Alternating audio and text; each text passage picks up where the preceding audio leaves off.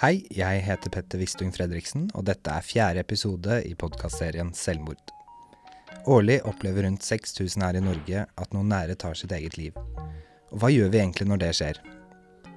Dette er ikke en podkast for å finne løsninger, men jeg håper at vi sammen kan finne ordene for å gjøre nettopp selvmord lettere å snakke om. Det er jo ikke det verst tenkelige. For det verst tenkelige skjer jo egentlig ikke. Det skjer jo på TV og i, i filmer og på nyhetene med andre folk. Men det skjer jo ikke med oss, vi er jo vanlige folk.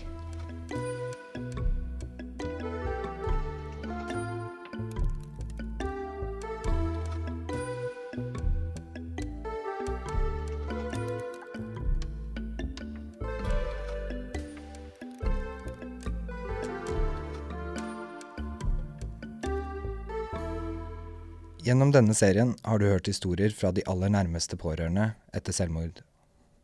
Det er én ting å være nær familie, men når noen først tar sitt eget liv, er ringvirkningene av hvem som blir berørt, gjerne mye større. I dag skal vi møte en skoleklasse som mistet én i flokken. Hvor godt kjenner du egentlig kollegaen din? Studiet eller klassekameraten? Hva vet du om hva de har opplevd før? Hva de føler, eller hvordan de faktisk har det? Hun begynte vel å slite i uh, begynnelsen av puberteten, egentlig da. Uh, for å ta historier før hun uh, begynte på videregående. Men um, her på videregående så oppdaga jeg ganske fort um, at hun at hun sleit noen dager med å komme seg på skolen. Han som snakket her, er Jon Tore. Han er norsk og dramalærer ved Heggen videregående skole, og jeg dro til Harstad for å møte han. Og da hadde vi en avtale som gjorde at hun kunne ringe til oss lærere. Og så kunne hun si at hun heller eh, ville holde seg hjemme en dag. Og eh, etter hvert så, så eh, ja, ble det en slags regel, da. For da eh, klarte hun ikke pga. sosial angst da, å være på skolen. Og da hadde vi gjerne eh, kontakt med henne per telefon eller per melding.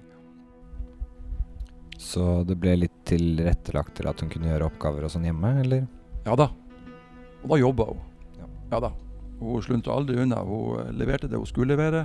Og hun, uh, ja, hun hadde toppkarakterer i de aller fleste fag. Vi har valgt å anonymisere eleven det er snakk om her så godt vi kan, så vi kommer ikke til å bruke navnet hennes. Denne eleven bor på hybel, og foreldrene hennes bodde i en annen by. Gjennom samtaler forsto Jon Tore at hun hadde utfordringer. Eh, hun var ei meget begavet jente. Um, begavet på to måter. Hun um, hadde store ressurser innenfor uh, litteratur. Leste mye og skrev mye. Um, hun skrev uh, både langtekster og lyrikk. som lærer så kunne jeg ofte få tekstene hennes klokka to om natta. Og da ville hun helst at jeg skulle ha lest gjennom dem til neste dag. Um, uh, hun var også uh, flink musiker og interessert i musikk. Så hun hadde ja, Hun var både intelligent og begava. Høyst oppegående jente. Tilbake i Oslo møter jeg Rikke. Hun gikk i klassen og var bl.a. elevrådsrepresentant. Hun forteller at skolemiljøet var helt normalt, og at de hadde et nært og godt forhold innad i klassen. Hun var egentlig, hun var egentlig en av de kuleste personene jeg vet om. For hun gikk med sånn um, Hun hadde sånne store ullgensere og og var veldig sånn genuin i det. Og så hadde hun ikke Hun hadde nesten ikke telefon, hun hadde ikke Facebook. Og så i stedet for å ha liksom MP3-spiller eller bare mobil med Spotify, så hadde hun sånn Walkman. Og så sånne store liksom øreklokker.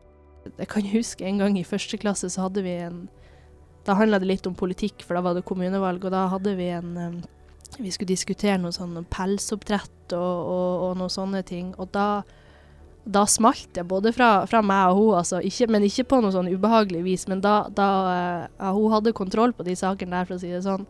Hun visste veldig godt hva hun snakka om. Og det slo meg flere ganger at hun var altså så intelligent. Og så spilte hun jo bass, og var kjempeflink på det. Og du kunne liksom se at hun, hun var i sitt ess når hun spilte instrument og spilte musikk. Hun kom mindre og mindre på skolen, og Jon Tore tok ansvar. Han tar kontakt med ambulant team i byen og følger henne på de første samtalene for å være sikker på at hun får den hjelpen hun trenger. Det virker som at dette hjelper, og hun får det bedre. Tiden går, og siste del av videregående står for tur. Vi eh, bruker tredjeklassen på eh, skolen vår bruker å dra til London i tredje klasse for å gå på konserter og på teater. Um, vi var på eh, flere arrangement, konserter, eh, teater. Vi var rundt på forskjellige severdigheter av museum. og eh, jeg kunne ikke merke noe på eleven at det var noen signaler på at noe var galt. Tvert imot. Hun var i svært godt humør og kosa seg sammen med de andre elevene. Um, siste dagen så skulle vi på ei første verdenskrig-utstilling på Imperial War Museum i London. Og um, da sa hun til oss lærere at hun hadde hatt så mange inntrykk denne uka og spurt om å kunne få slippe å være med om formiddagen. For om eh, kvelden skulle vi i Royal Albert Hall på en klassisk konsert. Og det ville hun gjerne være med på. Og det syntes vi var helt plausibelt og greit, så eh, vi sa at hun bare kunne være på hotellet og slappe av. Og så vi, kom vi jo tilbake på ettermiddagen. Så da vi kom tilbake fra ekskursjonen til eh, hotellet, da, så var hun ikke der da. Og eh, da var det jo hennes medelever som først lurte på hvor hun var hen. Eh, og vi gikk jo ut fra at hun ville holde seg på hotellet. Eh, men eh, vi prøvde å ringe, sende meldinger og sånn, men vi fikk ikke noe svar. Og så sto jo skoen hennes på rommet, så um, vi skjønte liksom ikke helt hva som skjedde. Så vi, jeg gikk og leita litt sammen med ei anna og så skjønner vi at OK, hun er ikke her.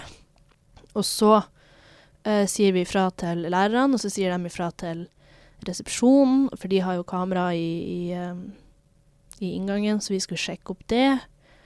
Um, og så er liksom Nå er alle sammen kommet ned i foajeen, for det var jo der vi skulle møtes før den her uh, konserten vi skulle på. Og de to som delte rommet, er jo uh, helt gelé i hele kroppen, for de er ganske skjelven. Så um,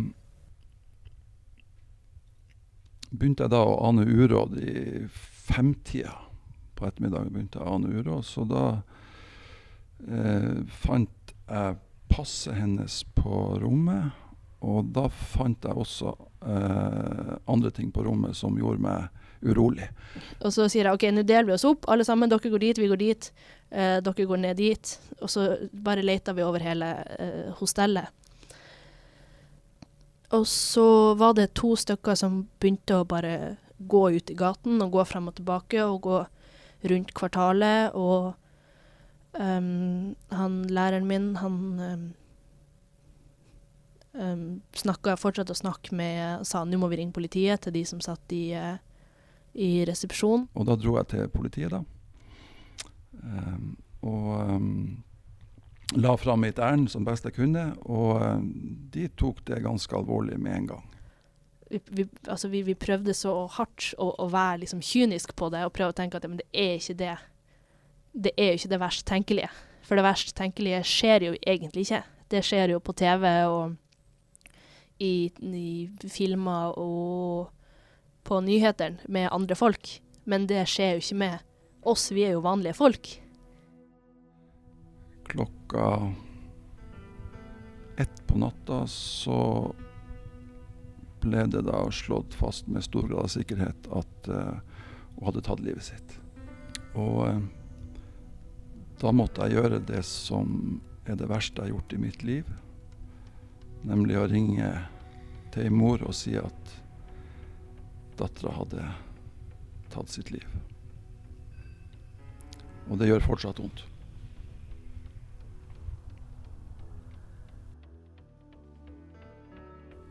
når eh, elevene sto opp om morgenen da, og vi frokost, skulle spise frokost på hotellet, så var selvfølgelig det første jeg gjorde, var å samle dem. eh, for å fortelle dette, da. Og så husker jeg så godt, fordi at når vi, når vi, Det var en av de tingene som på en måte gikk i hodet mitt eh, senere, at når alle var kommet, så sier uh, han Jon Tore at hun er ikke mer. Og um, Altså, det kom som lyn på meg. Ja, ikke i min villeste fantasi hadde jeg kunnet sett for meg at det faktisk var det verste som kunne ha skjedd. Fordi at igjen, det skjer jo ikke med vanlige folk. Men det gjør jo det. Det er jo akkurat det det gjør.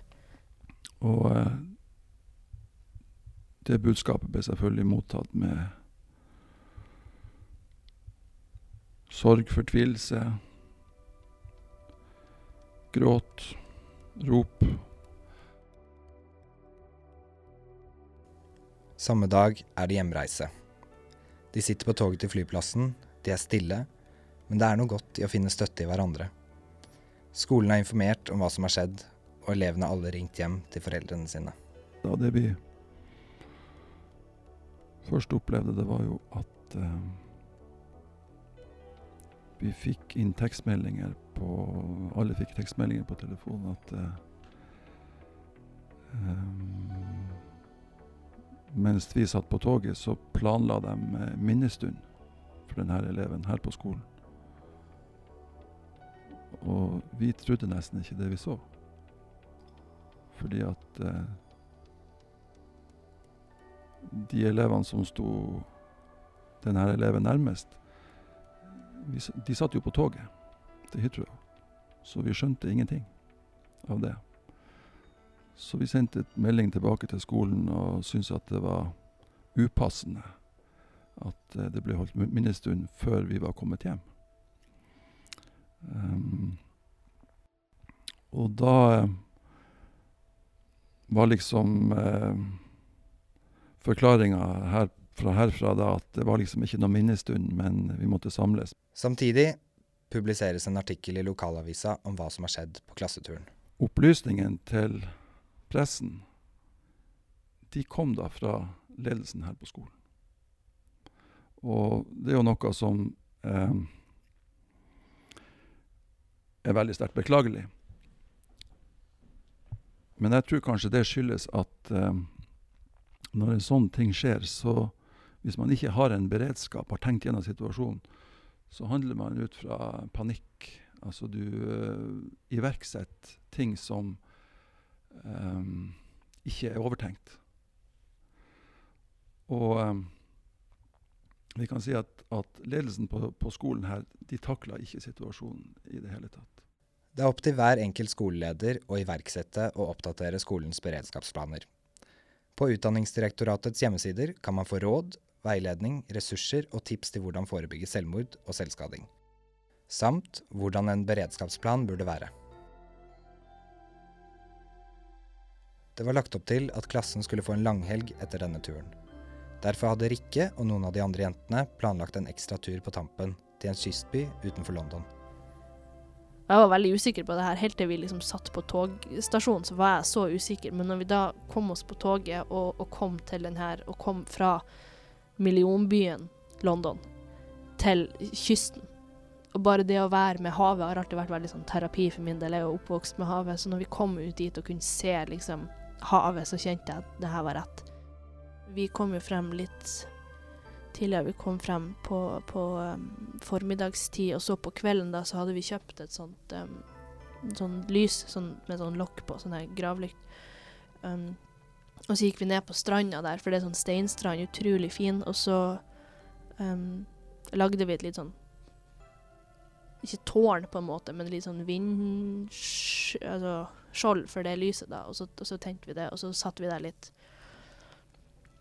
Og så um, Dagen etterpå så gikk jeg og Janne i um, vi, bare, vi fant ei kirke der, og så gikk vi dit bare for å få litt sånn stillhet. Og, og også for å tenne et lys. Det har blitt litt sånn viktig for meg etterpå. Det med å, å, å tenne lys og Jeg er ikke sånn kjempereligiøs, men jeg syns det er noe utrolig flott med um, kirkerom. Og jeg finner en sånn veldig ro der, på en måte. Så hver gang jeg er i uh, et kirkerom, da, så pleier jeg å tenne et lys for henne. Om det så er i, uh, her i Oslo eller uh, i Romania. Så har jeg liksom tenkt Jeg vet ikke helt om det gjør noe, men jeg, det er en sånn tanke da om at jeg håper at det kanskje At hun kanskje ser det. Kanskje. Og, og, og um, kanskje ser at um, det er mange som tenker på henne, da.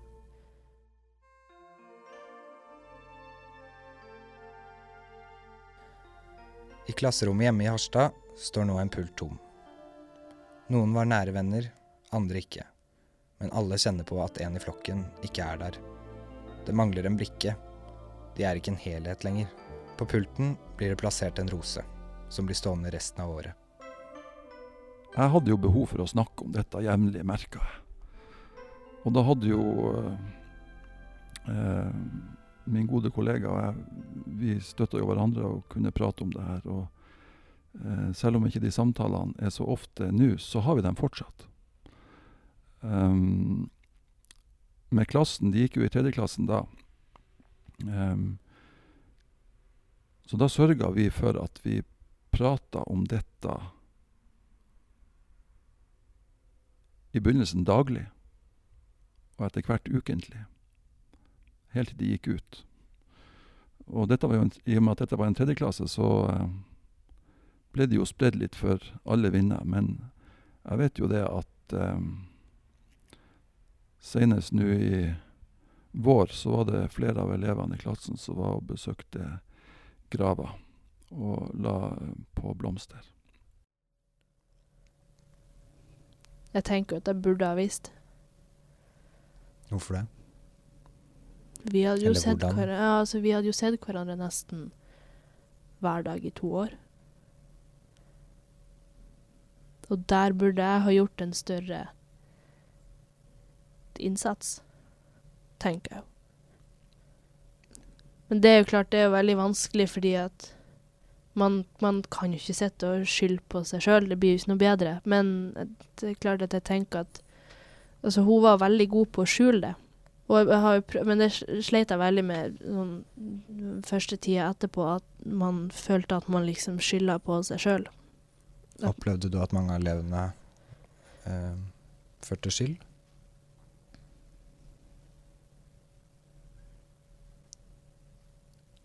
Jeg opplevde ikke det direkte, men jeg vet at det er flere som Altså, vi skulle jo så gjerne ha visst. Vi skulle jo selvfølgelig, hadde jeg kunnet spole tilbake i tida og, og Og altså sørga for at det ikke ble gjort, så hadde jeg ikke, jeg hadde ikke nølt et sekund. Um, og jeg tror det er en veldig sånn universell tanke for de som har opplevd det, at man tenker med en gang at her er det noe jeg burde gjort, her er det noe jeg kunne gjort, her er det noe jeg skulle gjort, eller sett, eller lagt merke til, eller bidratt med, sånn at det ikke hadde skjedd. Og det kan jeg jo fortsatt på en måte kjenne på nå, ett og et halvt år etterpå. Jeg tror jo at ja, dette var en klasse med et veldig sterkt samhold. Jeg tror ikke samholdet ble dårligere etter det her, da. Og eh,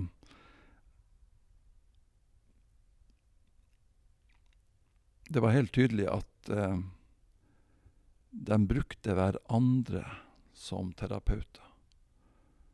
Og det tror jeg er den eh, beste terapien, at eh, vi som opplevde dette sammen, får anledning og tid til å eh,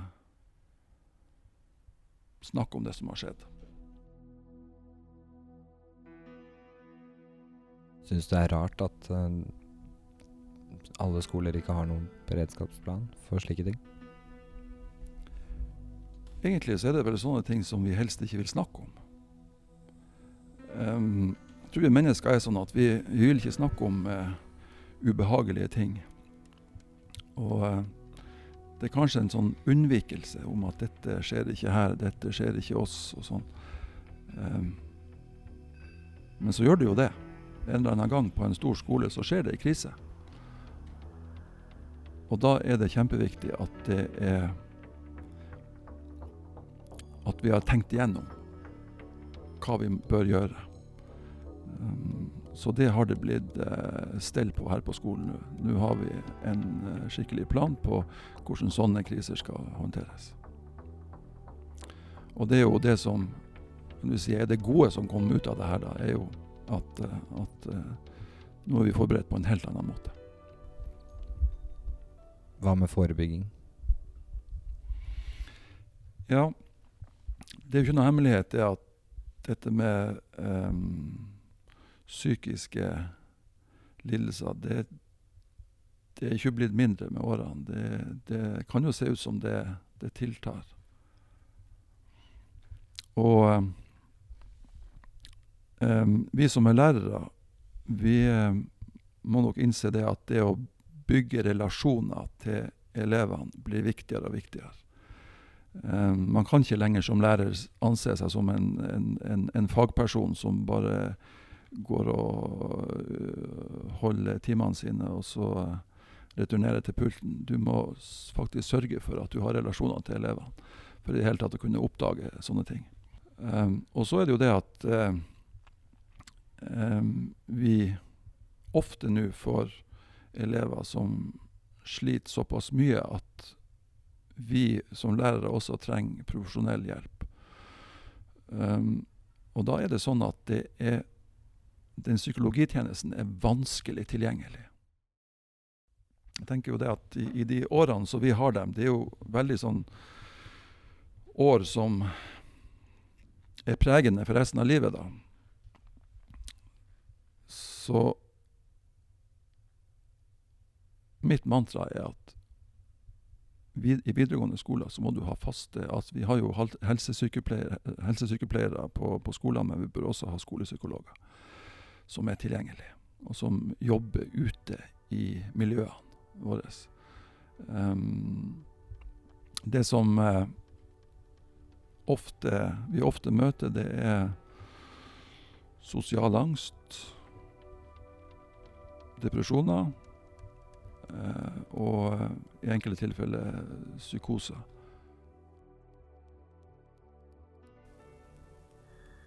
Altså For min del så kan man aldri få snakka nok om sånne ting. Og man kan aldri få prata om det tabuet det er å prate om det også nok. Om selvmord? Ja om selvmord, og, og, men også det Altså bare videre med psykisk helse. Jeg syns at hun, hun sier det så fint, hun Else Kåss Furuseth. Hun sier at vi er nødt til å snakke mer om at livet er dritt, for da vil kanskje flere gidde å leve det. Og det har blitt veldig viktig for meg å, å kunne snakke om det. Også fordi at det, det hjelper meg personlig å snakke om det. Men fordi at jeg har lyst til å snakke om det sånn at flere vil snakke om det. Jeg vil snakke om det helt til alle kan snakke om det, fordi at når vi snakker om det, så blir man ikke så alene om det lenger, og da blir det ikke så trykkende, da blir det ikke så mørkt. For det er det der um, Det er det der mørket det er snakk om, at, at, at hvis man da bare holder det inni seg, så blir det bare større og større, og til slutt så er det alt som er. Og da glemmer vi de lyspunktene som, som også er der. Men de er lettere å se hvis man har noen, noen til å hjelpe seg. Eller hvis man føler at man har trygghet til å snakke om det. Bebreider du deg selv i dag, da? Både ja og nei. Eh, sånn rent rasjonelt så gjør jeg ikke det, men underbevisst så gjør jeg det. Eh, for det ligger der hele tida. Eh, og jeg kan fortsatt våkne opp om natta og tenker at det og det burde jeg gjort. Men så er det jo sånn at det er ikke noe replay-knapp i livet. Så de tingene der, det får jeg ikke gjort noe med. Det jeg kan gjøre noe med, det er å prøve å bli bedre til å se eh, elever som sliter psykisk. Um, og um, sette inn tiltak eh, kanskje tidligere og gå hardere på for å få hjelp til elevene. Om du sitter med noen vonde tanker og føler på håpløshet, snakk med de rundt deg. Eller ring f.eks. Mental Helse på 116 123, Kirkens SOS på 22 40 0040. Om du trenger akutt hjelp, ikke nøl med å ringe 113. Alle telefonene er døgnåpne og er der for å hjelpe deg. Denne podkastserien er laget av Unge Leve i samarbeid med Monster. Produsent har vært Fride Nest Onsdag, og musikken er laget av Ivar Djurhus. Forarbeid er gjort av Kristina Jonstad, og grafikk er laget av Nico Gransjøen. Programleder har vært meg, Petter Wistung Fredriksen. Vi høres i neste episode.